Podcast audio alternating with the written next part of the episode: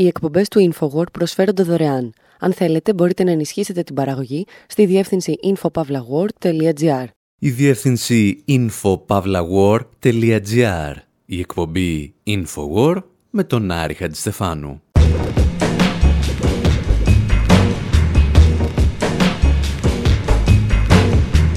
όπου σήμερα λέμε κακές κουβέντες για σύμβουλους επικοινωνίας και για τους πελάτες τους. Αναρωτιόμαστε τι κοινό μπορεί να έχει ένας διευθυντής στην αλυσίδα καταστημάτων Walmart με τον CEO των Starbucks και με τον Κυριάκο Μητσοτάκη. Και απαντάμε ότι όλοι τους είχαν την ίδια εταιρεία lobby να προωθεί την εικόνα τους. Συζητάμε για ένα περίεργο συνθετικό γκαζόν που είναι πάντα πράσινο και θυμόμαστε πως αυτό έδωσε το όνομά του σε μία από τις πιο βρώμικες τεχνικές δημοσίων σχέσεων της εποχής μας. Βάζουμε δηλαδή μουσικές πινελιές και λέμε μερικές ακόμη ιστορίες για μια μεγάλη αποκάλυψη της δημοσιογραφικής ομάδας Reporters United, αλλά και πάνω σε ένα δικό μας κείμενο από το ελληνικό Sputnik.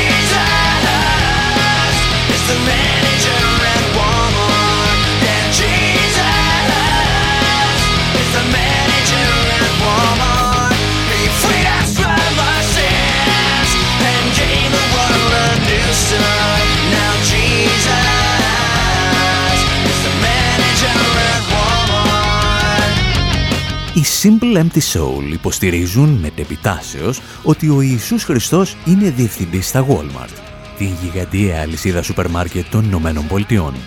Για την ακρίβεια, τη μεγαλύτερη επιχείρηση από πλευράς τζίρου στον πλανήτη, με ετήσια έσοδα 548 δισεκατομμυρίων δολάριων.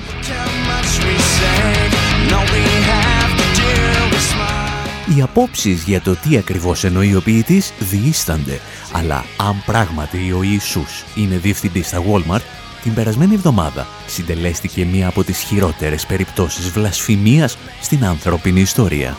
Μία υπάλληλος των Walmart πήρε το μικρόφωνο του καταστήματος και εξήγησε τι αισθάνεται για τους διευθυντές της και την επιχείρηση γενικότερα. Attention Walmart shoppers and associates. My name is Beth from Electronics. I've been working at Walmart for almost five years and I can say that everyone here is overworked and underpaid. Την προσοχή σας πελάτες και συνεργάτες του Walmart. Το όνομά μου είναι Beth από το τμήμα των ηλεκτρονικών. Δουλεύω εδώ σχεδόν πέντε χρόνια και μπορώ να πω ότι όλοι εργάζονται υπερβολικά πολλές ώρες και πληρώνονται ελάχιστα. Η πολιτική παραπώνων είναι για γέλια. Τόσο οι διευθυντές όσο και οι πελάτες μας υπερηφέρονται άσχημα και όταν έχουμε κάποιο πρόβλημα μας λένε ότι είμαστε αναλώσιμοι. Έχω βαρεθεί το διαρκές ψυχολογικό bullying. Η εταιρεία μεταχειρίζεται τους μεγαλύτερους ηλικία εργαζόμενους σας κατά. Ο Τζέραλτ, ο διευθυντής αποθήκης, είναι ανώμαλος. Ρέντα και κάθε ντροπή σας για τον τρόπο με τον οποίο συμπεριφέρεστε στους συνεργάτες σας. Ελπίζω να μην μιλάτε και στην οικογένειά σας όπως μιλάτε σε εμάς. Γαμ διεύθυνση, γαμ το μαγαζί, παρετούμε. Fuck management and fuck this job. I quit. Το συγκεκριμένο βίντεο έγινε viral γιατί όλοι καταλάβαιναν τι ακριβώς εννοούσε η υπάλληλος. Τα Walmart θεωρούνταν, όπως θα δούμε στη συνέχεια, τα χειρότερα εργασιακά κάτεργα των ΗΠΑ. Τουλάχιστον μέχρι τη στιγμή που δημιουργήθηκαν οι αποθήκες της Amazon, του Jeff Bezos. Και δεν είναι τα μόνα εργασιακά κάτεργα. Πριν από λίγο καιρό, ένας άλλος υπάλληλο, αυτή τη φορά στα Starbucks, πήρε το μικρόφωνο του καταστήματος και είπε πάνω κάτω τα ίδια. Με τη διαφορά ότι αυτός κρατούσε και κιθάρα. Hello everybody, can I get your attention super quick for one second? Um, I've been working here for a few years and it's been so nice to work here. My lovely coworkers, see all your lovely faces every single day. And uh, I have a song for my manager, uh, but I also hope you enjoy it. Dear manager, I've been working here for so long. I've got something that I want to tell you, so I thought I would sing a song.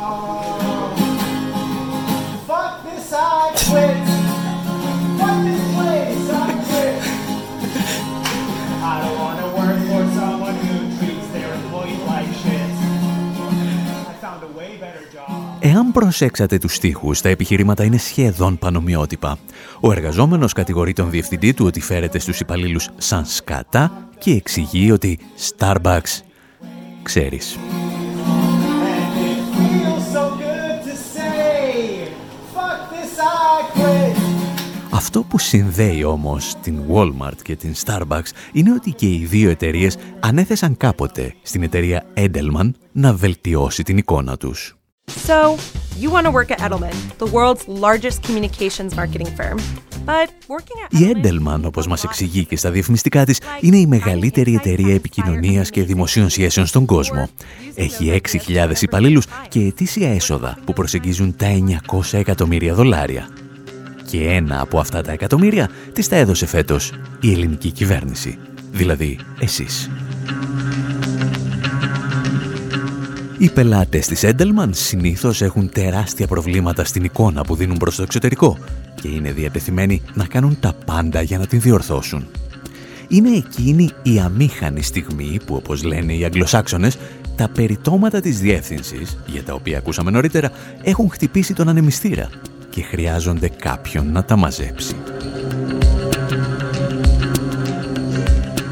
Σε τέτοια κατάσταση βρέθηκε παραδείγματος χάρη η Microsoft το 1998. Μια ωραία πρωία, η εκπρόσωπος τύπου του Αμερικανικού Υπουργείου Δικαιοσύνης πήρε και αυτή το μικρόφωνο και είπε και εκείνη βαριές κουβέντες σαν κι αυτές. The Justice Department has charged Microsoft with engaging in anti-competitive Το Υπουργείο Δικαιοσύνης καταγγείλει τη Microsoft ότι αντιστρατεύεται τον ελεύθερο ανταγωνισμό με στόχο να διατηρήσει το μονοπόλιο της στα λειτουργικά συστήματα προσωπικών υπολογιστών. Επιχειρεί μάλιστα να επεκτείνει αυτό το μονοπόλιο στο λογισμικό πλοήγηση στο ίντερνετ.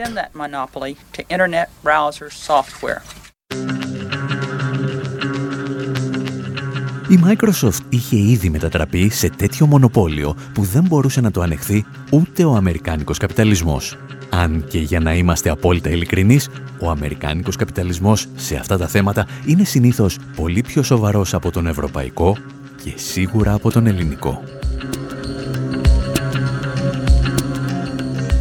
Η Microsoft είχε υπό τον έλεγχό της ήδη το 90% των λειτουργικών συστημάτων στις Ηνωμένες Πολιτείες και με τον νέο τότε Internet Explorer απειλούσε να ελέγχει απόλυτα και τον τρόπο με τον οποίο η ανθρωπότητα θα χρησιμοποιούσε στο εξής το ίντερνετ. Ο Bill Gates λοιπόν ανέθεσε στην εταιρεία Edelman να ασκεί πιέσει σε Αμερικανούς δικαστές, πολιτικούς και δημοσιογράφους ώστε να μην λάβουν νομοθετικά και δικαστικά μέτρα εναντίον της Microsoft.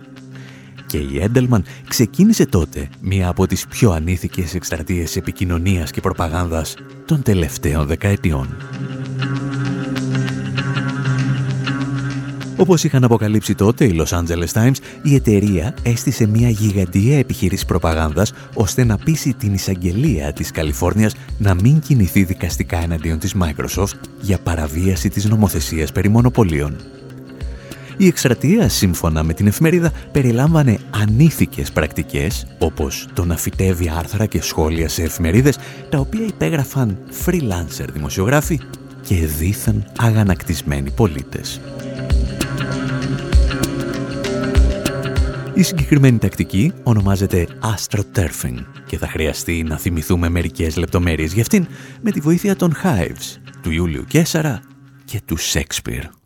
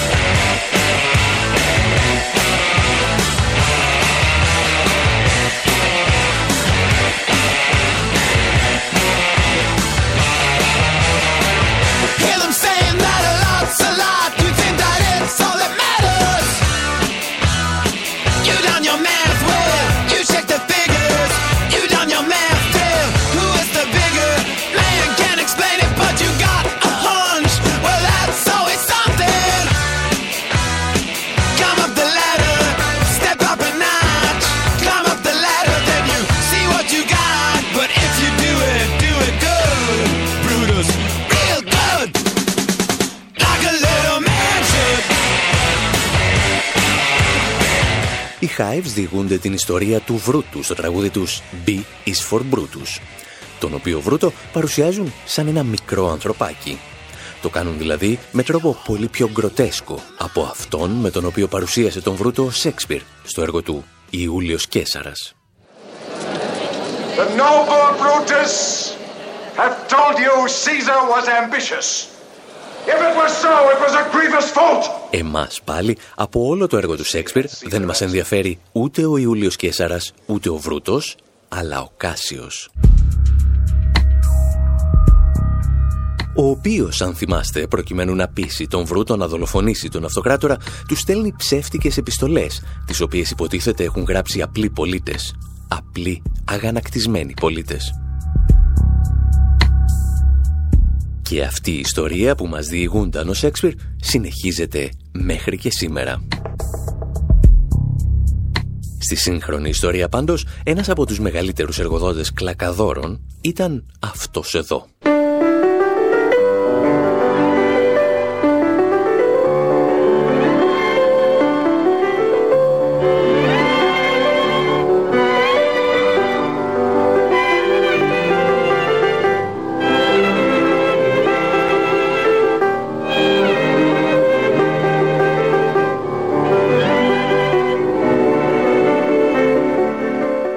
Άνθρωπος που ακούτε στο πιάνο ήταν ο πρώην πρόεδρος των Ηνωμένων Πολιτειών, Ρίτσαρντ Νίξον.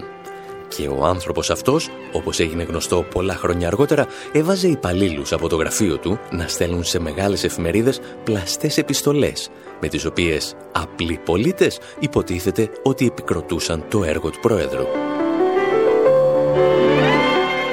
Από το 1985 ο Αμερικανός γερουσιαστής Lloyd Benson θα ονομάσει αυτή την τεχνική astroturfing από το όνομα μιας εταιρείας, τα διαφημιστικά της οποίας ακούγονταν κάπως έτσι. AstroTurf is still changing the game, and the past two years have seen some of the biggest changes yet. In 2010, AstroTurf sales grew nearly 200... Η AstroTurf είναι μία από τις μεγαλύτερες εταιρείες στις Ηνωμένες Πολιτείες που παράγουν τεχνητό γκαζόν, δηλαδή ψεύτικο χορτάρι. Το όνομα της εταιρείας λοιπόν έγινε ρήμα και σημαίνει να φυτεύεις καρπούς με την ελπίδα να δημιουργήσεις ένα ψεύτικο κίνημα βάσης, το οποίο στα αγγλικά λέγεται grassroot. Αυτό δηλαδή που φυτρώνει στο χορτάρι. Ο Αμερικανός γερουσιαστής Lloyd Benson είχε υποψιαστεί την ύπαρξη τέτοιων ομάδων όταν άρχισε να λαμβάνει εκατοντάδες γράμματα από υποτιθέμενους πολίτες οι οποίοι του ζητούσαν να στηρίξει μεγάλες ασφαλιστικές εταιρείες. Και υποθέτουμε μπορείτε να φανταστείτε ποιος κρυβόταν πίσω από τους πολίτες και τις επιστολές τους. Philip Morris 100. So smooth. Την ίδια εποχή, η καπνοβιομηχανία Philip Morris δημιουργεί την οργάνωση Εθνική Συμμαχία Καπνιστών, μέσω της οποίας αρχίζει να βομβαρδίζει δημοσιογράφους και πολιτικούς με μηνύματα εναντίον της αντικαπνιστικής πολιτικής για νέους. Τα πραγματικά και μεγάλα προβλήματα όμως ξεκίνησαν όταν ορισμένες εταιρείες αποφάσισαν να φέρουν και στο ίντερνετ τη λογική του astroturfing δημιούργησαν έτσι ψεύτικες ψηφιακές περσόνες που παρεμβαίνουν σε chat rooms και δίκτυα κοινωνικής δικτύωσης. Εταιρείες που συχνά έχουν την έδρα τους σε αναπτυσσόμενες χώρες αναλαμβάνουν να διευκολύνουν αυτή την πρακτική βάζοντας εκατοντάδες υπαλλήλους να παραβιάζουν τα μέτρα ασφαλείας σε site και blogs.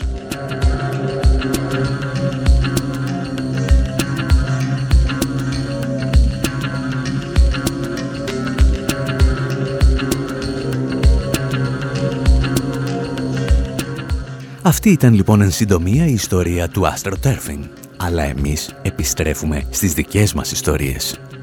Η εταιρεία Edelman για την οποία συζητάμε σήμερα κατηγορήθηκε ότι χρησιμοποίησε τεχνικές AstroTurfing για να υπερασπιστεί το μονοπόλιο της Microsoft. Και όπως θα δούμε στη συνέχεια, το ξανάκανε και για την Walmart. Και αν πιστεύετε ότι αυτά συμβαίνουν μόνο στη δικιά σας κοντινή Αμερική, να σας θυμίσουμε ότι αρκετά παρόμοια περιστατικά είχαμε τα τελευταία χρόνια και στην Ελλάδα. Το 2018 παραδείγματος χάρη, μια κυρία που υπέγραφε ως Ανίτα Πι εμφανίστηκε ως συγγενής θυμάτων στο μάτι και επιτέθηκε προσωπικά στον τότε Πρωθυπουργό. Όπως αποδείχθηκε λίγο αργότερα όμως, την επιστολή είχε γράψει η σύζυγος του Μπάμπη Παπαπαναγιώτου, τότε Συμβούλου Επικοινωνίας του Κυριάκου Μητσοτάκη. Η εκστρατεία βέβαια δεν ήταν τόσο καλωστημένη και κατέρευσε, αλλά ως γνωστόν από τον καθένα ανάλογα με τις ικανότητές του, σε καθένα ανάλογα με το τι ψήφισε. Εσείς πάλι μένετε εδώ, γιατί στο δεύτερο μέρος της εκπομπής έχουμε πολλές ακόμη ιστορίες ανήθικης επικοινωνιακής στρατηγικής που μας αφορούν άμεσα.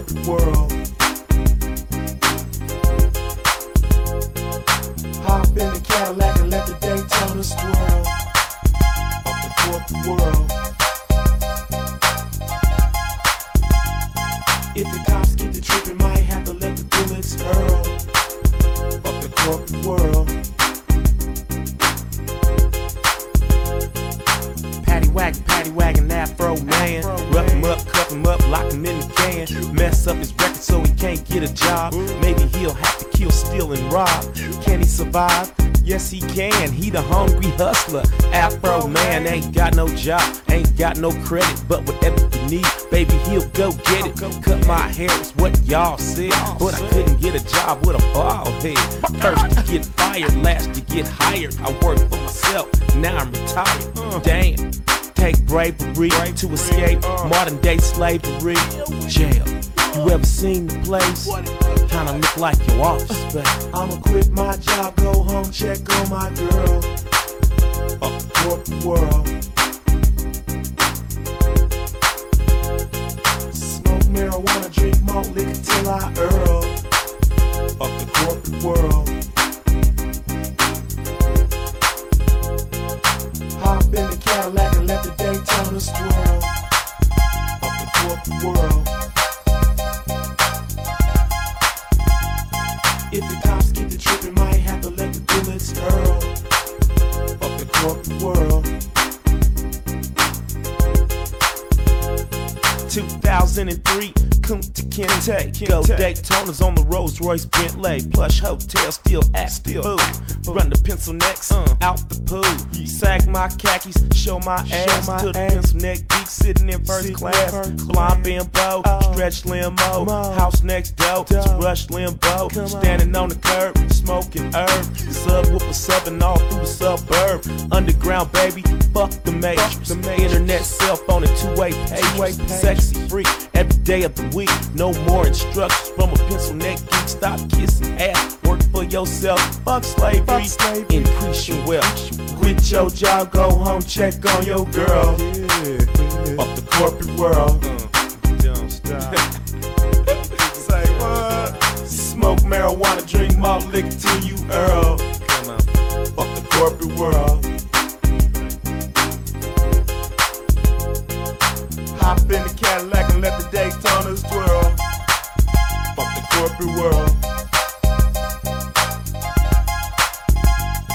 If the cops get the trip, might have to let the bullets hurl. Fuck the corporate world. Οι εκπομπές του InfoWord προσφέρονται δωρεάν. Αν θέλετε, μπορείτε να ενισχύσετε την παραγωγή στη διεύθυνση infopavlagor.gr.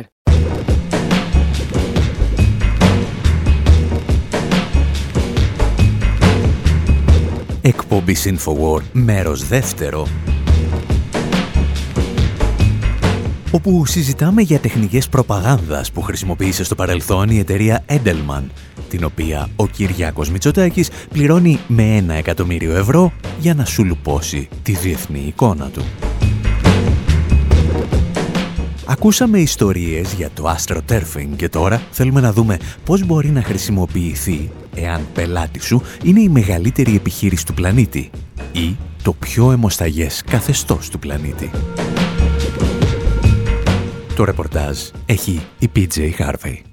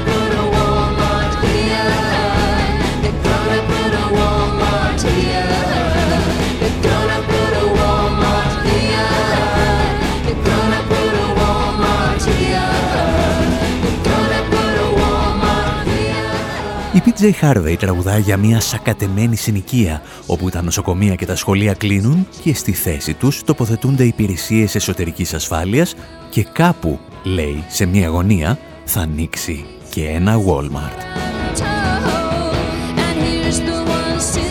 Η γνωστή αλυσίδα αμερικανικών σούπερ μάρκετ είναι, όπως είπαμε, η μεγαλύτερη εταιρεία στον κόσμο με βάση τα έσοδά της, τα οποία ξεπερνούν το μισό τρισεκατομμύριο δολάρια.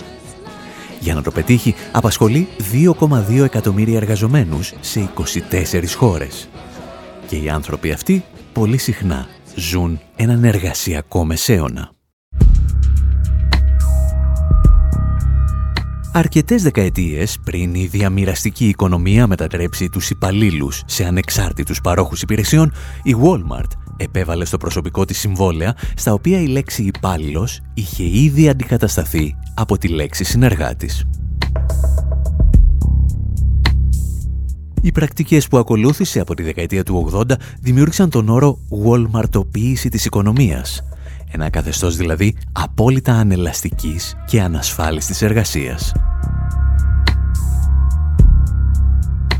Και αν αυτοί οι οικονομικοί όροι σας ακούγονται βαρετοί, να σας πούμε απλώς ότι η Walmart αφαιρούσε τα σκαμπό από τα ταμεία της, ώστε οι πιο ηλικιωμένοι υπάλληλοι που δεν μπορούσαν να στέκονται όρθιοι 8 ώρες, να αναγκάζονται σε παρέτηση. Και έτσι γλίτωνε τα προγράμματα εθελουσίας εξόδου.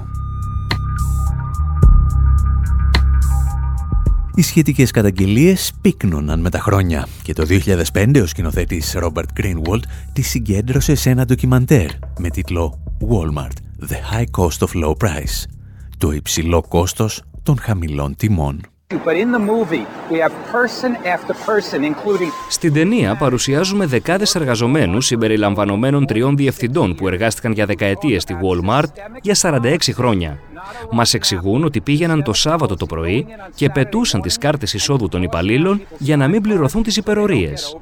Ένας διευθυντής μας εξηγεί πως περπατούσε σε περιοχές που θα άνοιγε νέο Walmart και έδειχνε με το δάχτυλο οικογενειακές επιχειρήσεις που θα έκλειναν.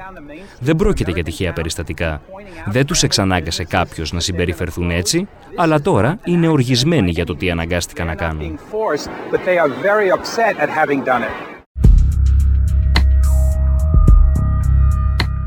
Με την είσοδο της νέας χιλιετίας η πολιτική της Walmart ήταν τόσο μισητή ώστε αρκετοί πολιτικοί στις προεκλογικές τους εκστρατείες υπόσχονταν να συγκρουστούν μαζί της.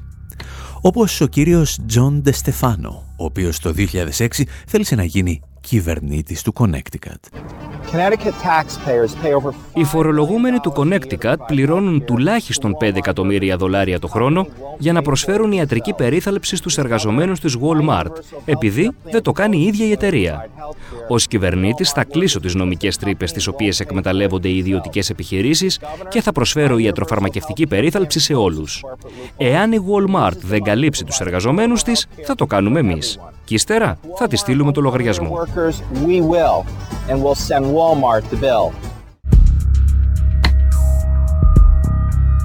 Για την ιστορία, ο κύριος Ντεστεφάνο έχασε τις εκλογές.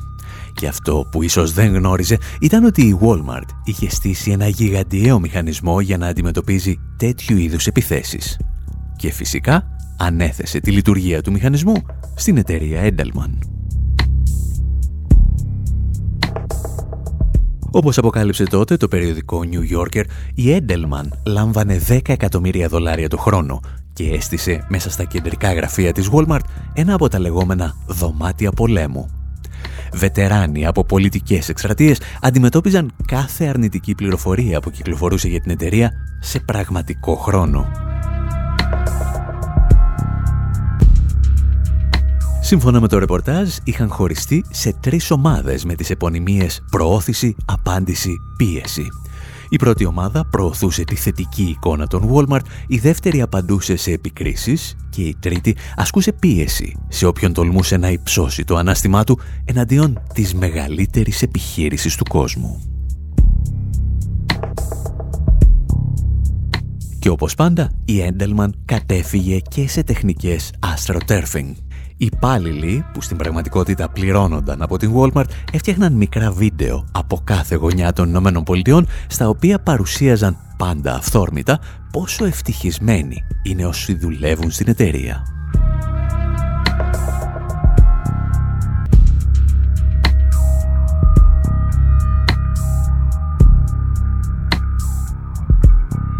Προφανώς, εάν έχεις καταφέρει να ωρεοποιήσεις την εικόνα της Walmart, δεν υπάρχει τίποτα που να μην μπορείς να κάνεις.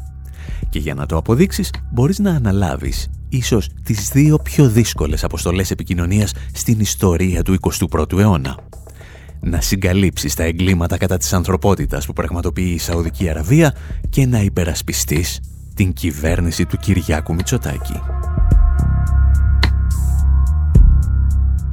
Πάρουμε όμως τα πράγματα από την αρχή.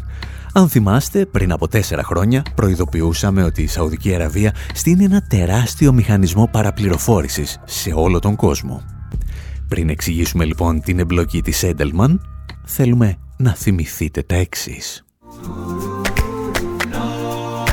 No woman, no drive. No woman, no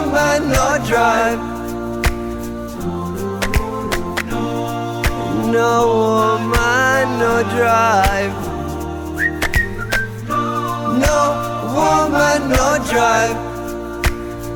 Say, say, say, I remember when you used to sit in the family car, but backseat. Over, over is so safe and well, so you can make lots and lots of babies. Friends we've had and good friends we've lost on the highway. In this bright future, you can't forget your past. So put your car key away. No woman, no drive. Woman, no drive. Here, little sister, don't touch that wheel. No woman, no drive. Ο Ισάμ Φαγκή που ακούσατε είναι διάσημος Σαουδάραβας κομικός και το τραγούδι του No Woman No Drive είχε γίνει viral στο YouTube με περισσότερα από 15 εκατομμύρια θεάσεις. Θυμάμαι, λένε οι στίχοι, όταν καθόσουν στο οικογενειακό αυτοκίνητο, αλλά στην πίσω θέση και η οθήκη σου ήταν ασφαλής για να μπορείς να μου κάνεις πολλά παιδιά. Και ύστερα μπορείς να μου ετοιμάσεις και το βραδινό φαγητό, το οποίο βέβαια θα μοιραστώ μαζί σου.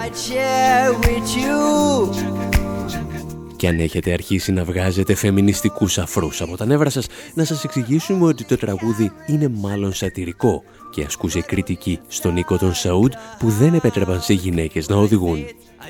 Ο δημιουργός του βέβαια δεν μπορεί να το πει αυτό δημοσίως γιατί σε αυτή τη χώρα έχουν κόψει κεφάλια και για μικρότερα παραπτώματα.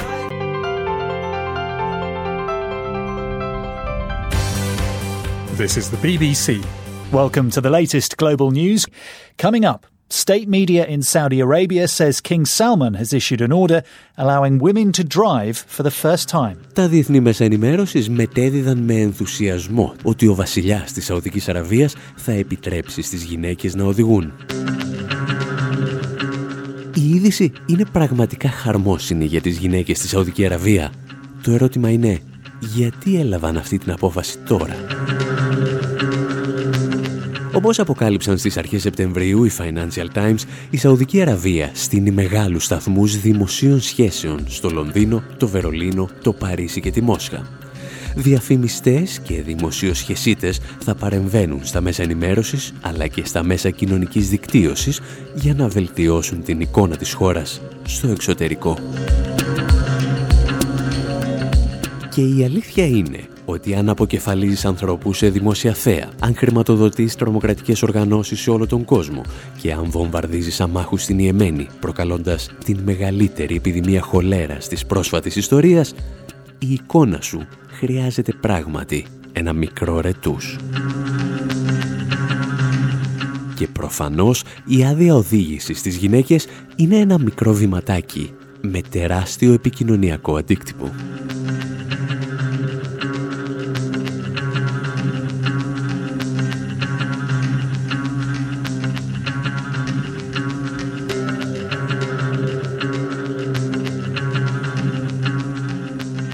Αυτά λέγαμε λοιπόν το 2017, όταν ο πρίγκιπας διάδοχος της Σαουδικής Αραβίας θέλησε να ομορφύνει με μικρές επικοινωνιακές πινελιές στο προφίλ του.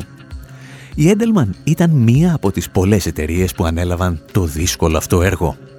Τότε όμως δεν γνώριζε ότι ο πρίγκιπας διάδοχος θα άρχιζε να τεμαχίζει με πριόνια τους πολιτικούς του αντιπάλους. A US intelligence report has concluded that Saudi Crown Prince Mohammed bin Όπως μας υπενθύμιζε το BBC, ακόμη και οι αμερικανικές μυστικές υπηρεσίες απέδειξαν ότι την εντολή για τη δολοφονία του Σαουδάραβα δημοσιογράφου Κασόγκη είχε δώσει ο ίδιος ο ηγέτης της χώρας.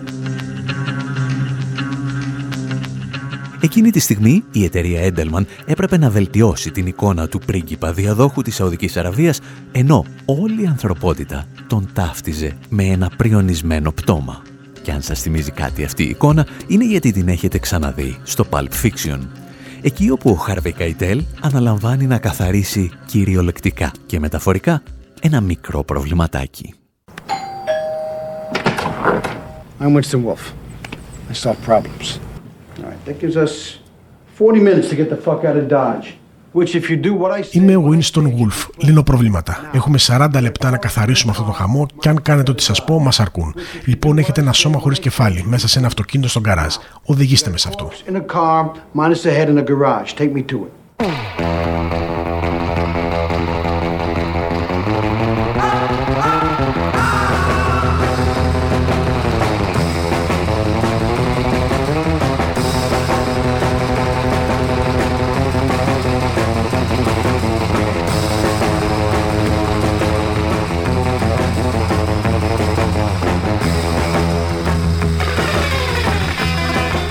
Η Έντελμαν έπρεπε προφανώς να χρησιμοποιήσει όλες τις τεχνικές που είχε μάθει τον περασμένο μισό αιώνα για να βοηθήσει το βασίλειο της Σαουδικής Αραβίας. Και ένα από τα πολλά τρίκ που χρησιμοποίησε ήταν να στρέψει την προσοχή της διεθνούς κοινής γνώμης στην κατασκευή της νέας φουτουριστικής πόλης Νίομ. Well, ladies and gentlemen, the hour of striving for utopia has long been upon us. This place is called Neom, a 500 billion dollar super city in planning. Μέσα ενημέρωσης σε όλο τον κόσμο άρχισαν να μιλούν για τη νέα ουτοπία που θα δημιουργούνταν στη Σαουδική Αραβία. Μια φουτουριστική πόλη με κόστος μισού τρισεκατομμυρίου δολαρίων και πάντα τα ρεπορτάζ περιείχαν και μερικές καλές κουβέντες για το φιλελεύθερο πρόγραμμα του πρίγκιπα διαδόχου της Σαουδικής Αραβίας. Εάν εσείς δεν γνωρίζετε τι είναι η πόλη Νίομ, μπορείτε να αναζητήσετε το τεύχος από το Βιμαγκαζίνο που έκανε ένα μεγάλο αφιέρωμα πριν από ένα χρόνο. Και αν δεν διαβάσατε πέρυσι για τα κατορθώματα του διαδόχου, μπορεί να είδατε φέτος κανένα δελτίο ειδήσεων σαν αυτό. Το μεγαλύτερο πρόγραμμα επενδύσεων στην πράσινη ανάπτυξη παγκοσμίω αξίας 7 τρισεκατομμυρίων δολαρίων εξήγηλε ο διάδοχος της Σαουδικής Αραβίας. فتحملنا على جناح الفرص العظيمة نحو آفاق جديدة Ο διάδοχος του Βασιλείου, με σειρά εμπνευσμένων μεταρρυθμιστικών κινήσεων, ετοιμάζει τη χώρα του για το μέλλον. Ενισχύοντας το γεωπολιτικό της έρμα, πρωταγωνιστής στι εξελίξεις στη Μέση Ανατολή, κατακτώντας τον ηγετικό ρόλο που αξίζει στην ισχυρότερη οικονομία του αραβικού κόσμου. Παράλληλα, με υπολογισμένες κινήσεις, αλλάζει συστηματικά τη συντηρητική Σαουδαραβική κοινωνία. Όπως μπορείτε να υποθέσετε, την προώθηση παρόμοιων ρεπορτάζ σε όλο τον κόσμο ανέλαβε, όπως γνωρίζουμε, η εταιρεία Edelman. Μια εταιρεία δηλαδή που στο παρελθόν υποστήριζε το αμερικανικό λόμπι του πετρελαίου και εταιρείες που λειτουργούσαν σαν εργασιακά κάτεργα, ανέλαβε να εξοραίσει το πραγματικό βασίλειο του πετρελαίου και τα πραγματικά του κάτεργα. Και ύστερα χτύπησε την πόρτα της ίδιας εταιρείας ο Κυριάκος Μητσοτάκης. Όπως αποκάλυψε η ερευνητική ομάδα Reporters United, το ελληνικό δημόσιο έδωσε στην Έντελμαν σχεδόν ένα εκατομμύριο δολάρια για να βελτιώσει την εικόνα της κυβέρνησης στο εξωτερικό. Και οι υπάλληλοι της εταιρείας σήκωσαν το ακουστικό και άρχισαν να παίρνουν τηλέφωνα δημοσιογράφων σε όλο τον κόσμο. Περισσότερα γι' αυτά όμως μπορείτε να διαβάσετε και στη σελίδα μας info.pavlawar.gr κυρίως όμως στη σελίδα reportersunited.gr Εμείς κάπου εδώ θα σας αφήσουμε. Από τον Άρχα Στεφάνου στο μικρόφωνο και τον Δημήτρη Σταθόπουλο στην τεχνική επιμέλεια, γεια σας και χαρά σας.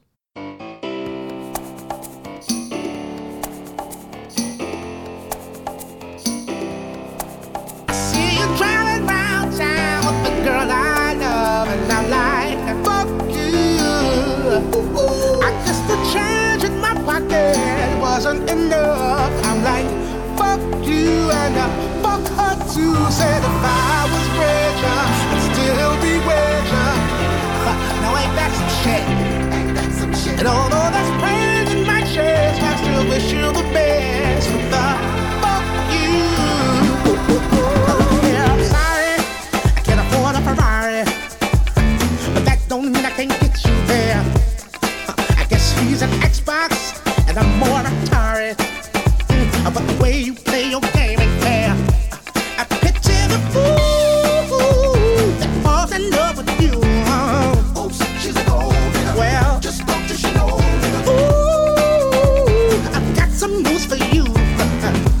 Yeah, go on and run tell your little boy. See you driving town with the girl I